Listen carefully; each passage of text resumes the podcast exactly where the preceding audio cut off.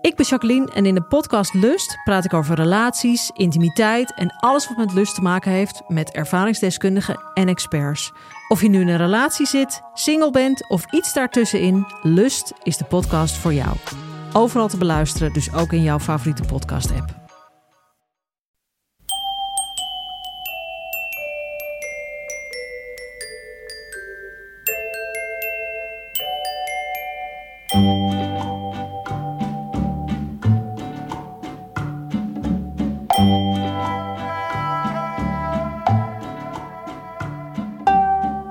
Welkom bij aflevering 167 van de Echt Gebeurd podcast, waar waargebeurde verhalen worden verteld door de mensen die ze zelf hebben meegemaakt.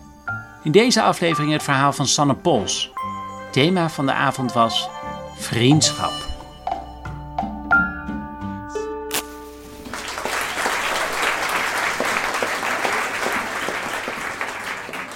Het waren de jaren 90.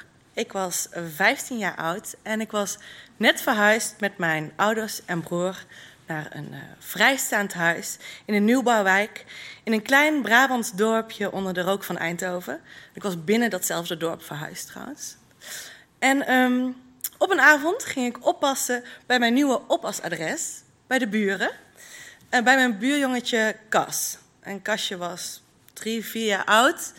Uh, heel lief, had best wel groot hoofd, herinner ik me. Had ook al een eigen Apple-computertje toen. Misschien stond dat in verband met elkaar. Maar goed, ik kwam daar aan en Cas uh, sliep al. En uh, ik kletste nog even met de ouders. En we hadden afgesproken dat, hoewel het bij de buren was, ik daar gewoon zou blijven slapen.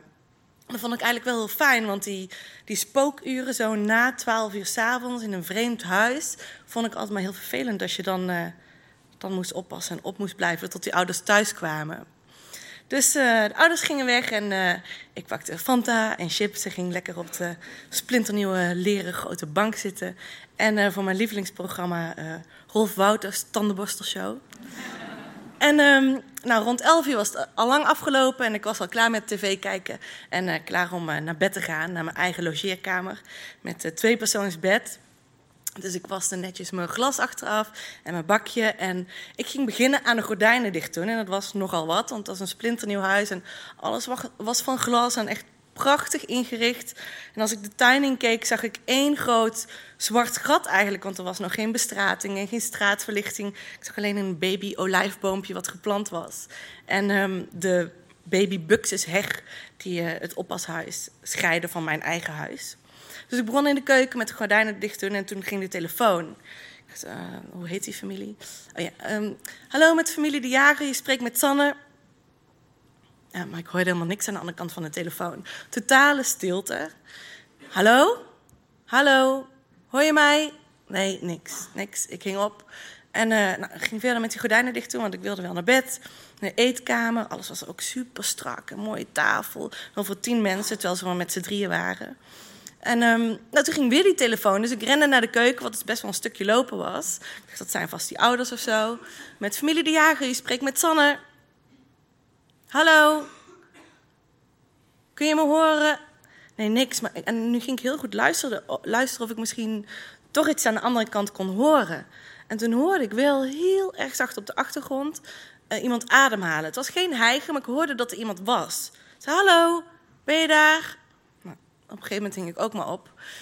En um, nou, ik had nog die uh, woonkamer, de gordijnen dicht doen. En wat me wel opviel is dat uh, aan de voorkant van het huis stond een best wel grote zwarte auto met, leek wel geblindeerde ruiten. En die had ik nooit eerder daar gezien. Ik dacht, eh, het zijn die van de buren, maar ik kende het niet. En het was alleen maar bestemmingsverkeer. Maar goed, gordijnen dicht. Ik ging naar boven en ik ging kijken of uh, op kassenkamer. Die lag lekker te slapen. En ik pakte mijn toilettasje en uh, ging naar de prachtige witte marmeren badkamer. En wilde net mijn tanden gaan poetsen toen weer de telefoon ging. Het was de vaste lijn, de jaren negentig. En ik hoorde dat ze boven ook een vaste lijn hadden op de oude slaapkamer. Het was aan de voorkant van het huis en ik vond het wel een beetje ongemakkelijk om in die oude slaapkamer te komen. En ik moest toch ook een beetje denken aan die auto. Dus ik hield het licht uit op die oude slaapkamer en ik pakte de telefoon op. En dit keer zei ik gewoon, ja, hallo, hallo. En nu hoorde ik luid en duidelijk aan de andere kant van de lijn... I'm gonna kill you. I'm gonna kill you. En ik schrok me natuurlijk kapot en ik liet de horen vallen en ik rende de trap af en door de eetkamer en naar de keuken en ik gooide de serredeur open en rende door die zandbak van een tuin, door de buxusheg naar mijn eigen huis.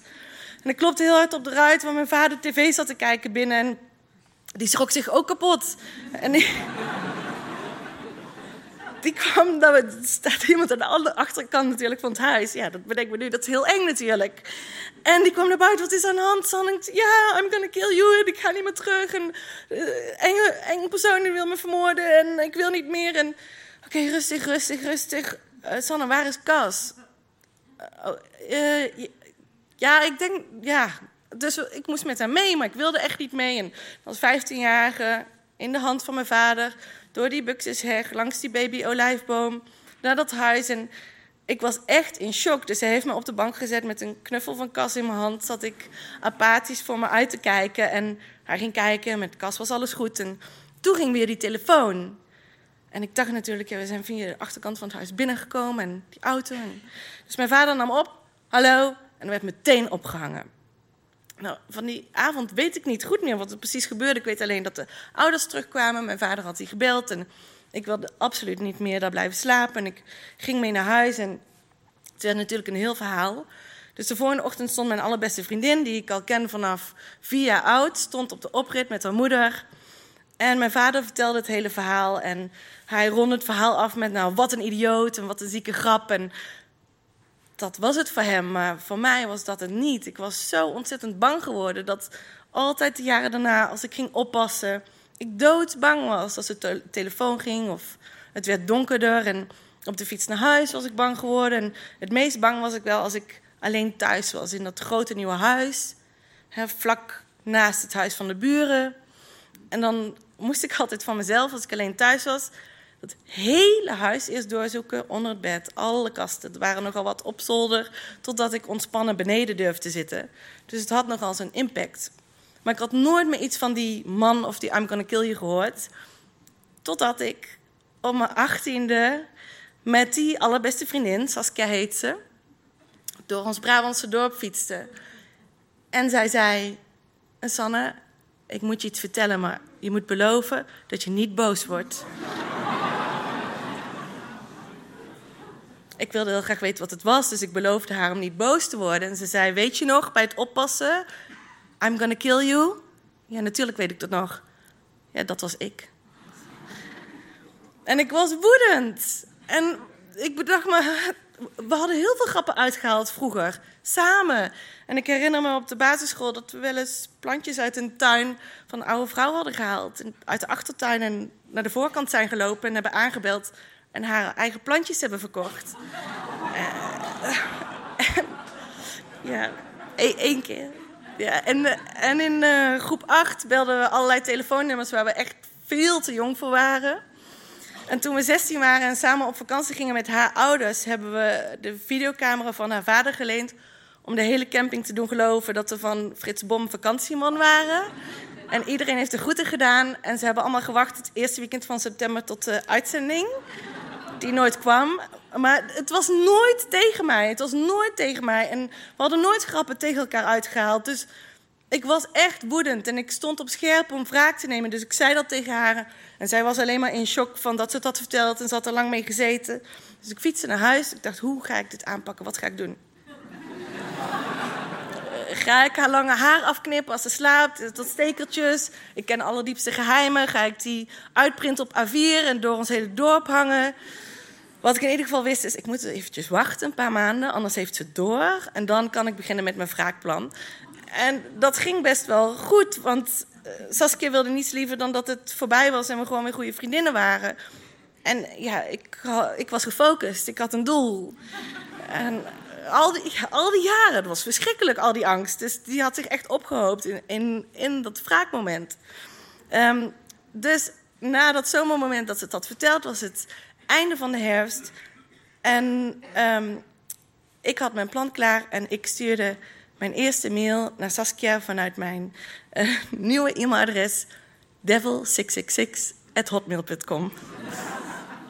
en daarin stond: Hoi Saskia, ik zag je fietsen naar je nieuwe school in Eindhoven met je mooie lange haren. en je lichtblauwe jas. En om 8 uur 18 sloeg je linksaf bij het kruispunt om naar je nieuwe school te gaan. En na school zag ik je bij bakkerbadje lievelingsbroodje eten. En daarna fietste je weer netjes naar huis, naar je ouders en je zus. XX Devil 666. En ik dacht, ik wil haar hiermee bang maken, net zoals ze mij bang heeft gemaakt. Maar tegelijkertijd wil ik niet dat het zo erg is. En ik kan dat in de gaten houden, want ze is mijn beste vriendin. Ze vertelt mij alles, dus het kan niet zo erg uit de hand lopen. Het leek me hele goede controle daarin. En iedere week stuurde ik haar twee mailtjes uh, als Devil 666. En iedere keer met wat meer informatie en wat voor tentamencijfers ze had gehaald. En dan gaf ik haar een compliment en uh, waar ze met haar beste vriendin naar de film was geweest en of het leuk was. Maar ook um, wel wat jaloerse berichten van met welke jongens ze had gepraat en waarom ze zo lang met hem praten. En Saskia vertelde mij dat ze het wel creepy vond, maar ook enigszins gecharmeerd. En ik kon best wel goed doen alsof mijn neus bloedde. En dat viel me ook wel op. En ik vond het ook best wel leuk. En ik dacht, als klap op de vuurpijl, zoals midden in de winter jarig. Ze zou nu bijna jarig zijn in januari. Uh, laat ik Devil 666 op haar 19e verjaardag komen. Dus via de mail had ik gezegd dat Devil 666 zou komen. En we stonden met z'n allen in die kroeg op haar verjaardag. En alle vrienden waren er. En ik was excited. En ik dacht dat iedereen er zin in had tot de vriendin naar me toe kwam. Ja, en die creep komt hier op haar verjaardag. En dat is niet normaal. En die gaat haar verjaardag verpesten. En dat is toch idioot? En jongens zeiden, ja, als hier komt idioot en ik sla hem op zijn bek en moet hij proberen. En toen dacht ik dus, er komt helemaal niemand. Ik ben Devil 666. Ik moet dadelijk gaan onthullen dat ik al die mailtjes heb gestuurd. En al die vrienden zijn erbij, die hebben geen enkel idee van het hele oppasincident jaren geleden. En hoe ziek komt dit over? ik, ik voel het nu weer. Ik was totaal in paniek. En ik stond in die kroeg op haar verjaardag. En ik trek Saskia een beetje weg bij de bar en naar me toe. Ik zeg, Sas, Sas ik, ik moet je iets vertellen, maar je moet je beloven. Je moet beloven dat je niet boos wordt. En ze begon keihard te huilen. En ik begon ook keihard te huilen. En zo stonden we in elkaars armen. Er is een foto van gemaakt. Helemaal rood te lopen en mascara. Allebei keihard staan te huilen. En wisten heel goed waar het over ging. En al die vrienden er rondomheen die dachten... What the fuck, wat is dit? En nu vraag je natuurlijk af, hoe is nu zo'n verhaal afgelopen? En, nou, Saskia zit hier in de zaal. Als mijn beste vriendin. Die ik al 32 jaar ken als mijn beste vriendin. En waarom dat kan, is dat dit incident eigenlijk helemaal niet in contrast staat met alle mooie dingen die we elkaar brengen in onze vriendschap. En zo zie je maar weer. Echte vriendschap, daar komt zelfs de duivel niet tussen.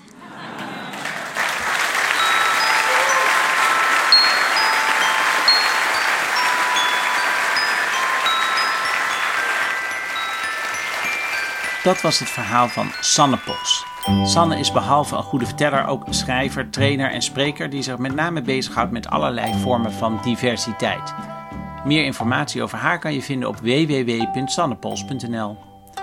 En nu de meeste luisteraars van de podcast toch op vakantie zijn, is het misschien goed te weten dat we op zoek zijn naar een nieuwe redacteur, producent, die eindverantwoordelijk is voor de dagelijkse leiding van Echt Gebeurd. Als je ervaring hebt als redacteur en ook productioneel van aanpakken weet, houd dan onze site in de gaten. Daar staan ook alle thema's voor volgend jaar alvast. Mocht je nou geen geduld hebben om te wachten op de volgende podcast, luister dan eens naar de podcast van onze Vlaamse vrienden, Relaas. Relaas is een plaats voor waargebeurde verhalen met een Vlaamse tongval. De redactie van Echt Gebeurd bestaat uit Maarten Westerveen, Rosa van Toledo, Paulien Cornelissen en mijzelf, Mieke Wertheim. De techniek is in handen van Nicolaas Vrijman en Gijsbert van der Wal. Echt Gebeurd is trouwens een stichting. En Stichting Echt Gebeurd zou al lang niet meer bestaan als we niet heel trouw en goed ondersteund werden door ons bestuur. Lieve bestuurders, als jullie luisteren, bedankt voor alle steun. Zo, dit was aflevering 167 van de Echt Gebeurd podcast. En vergeet niet dat als je ooit s'nachts gebeld wordt door iemand die na een hele lange stilte zegt dat hij je komt vermoorden, dat het waarschijnlijk je beste vriendin is.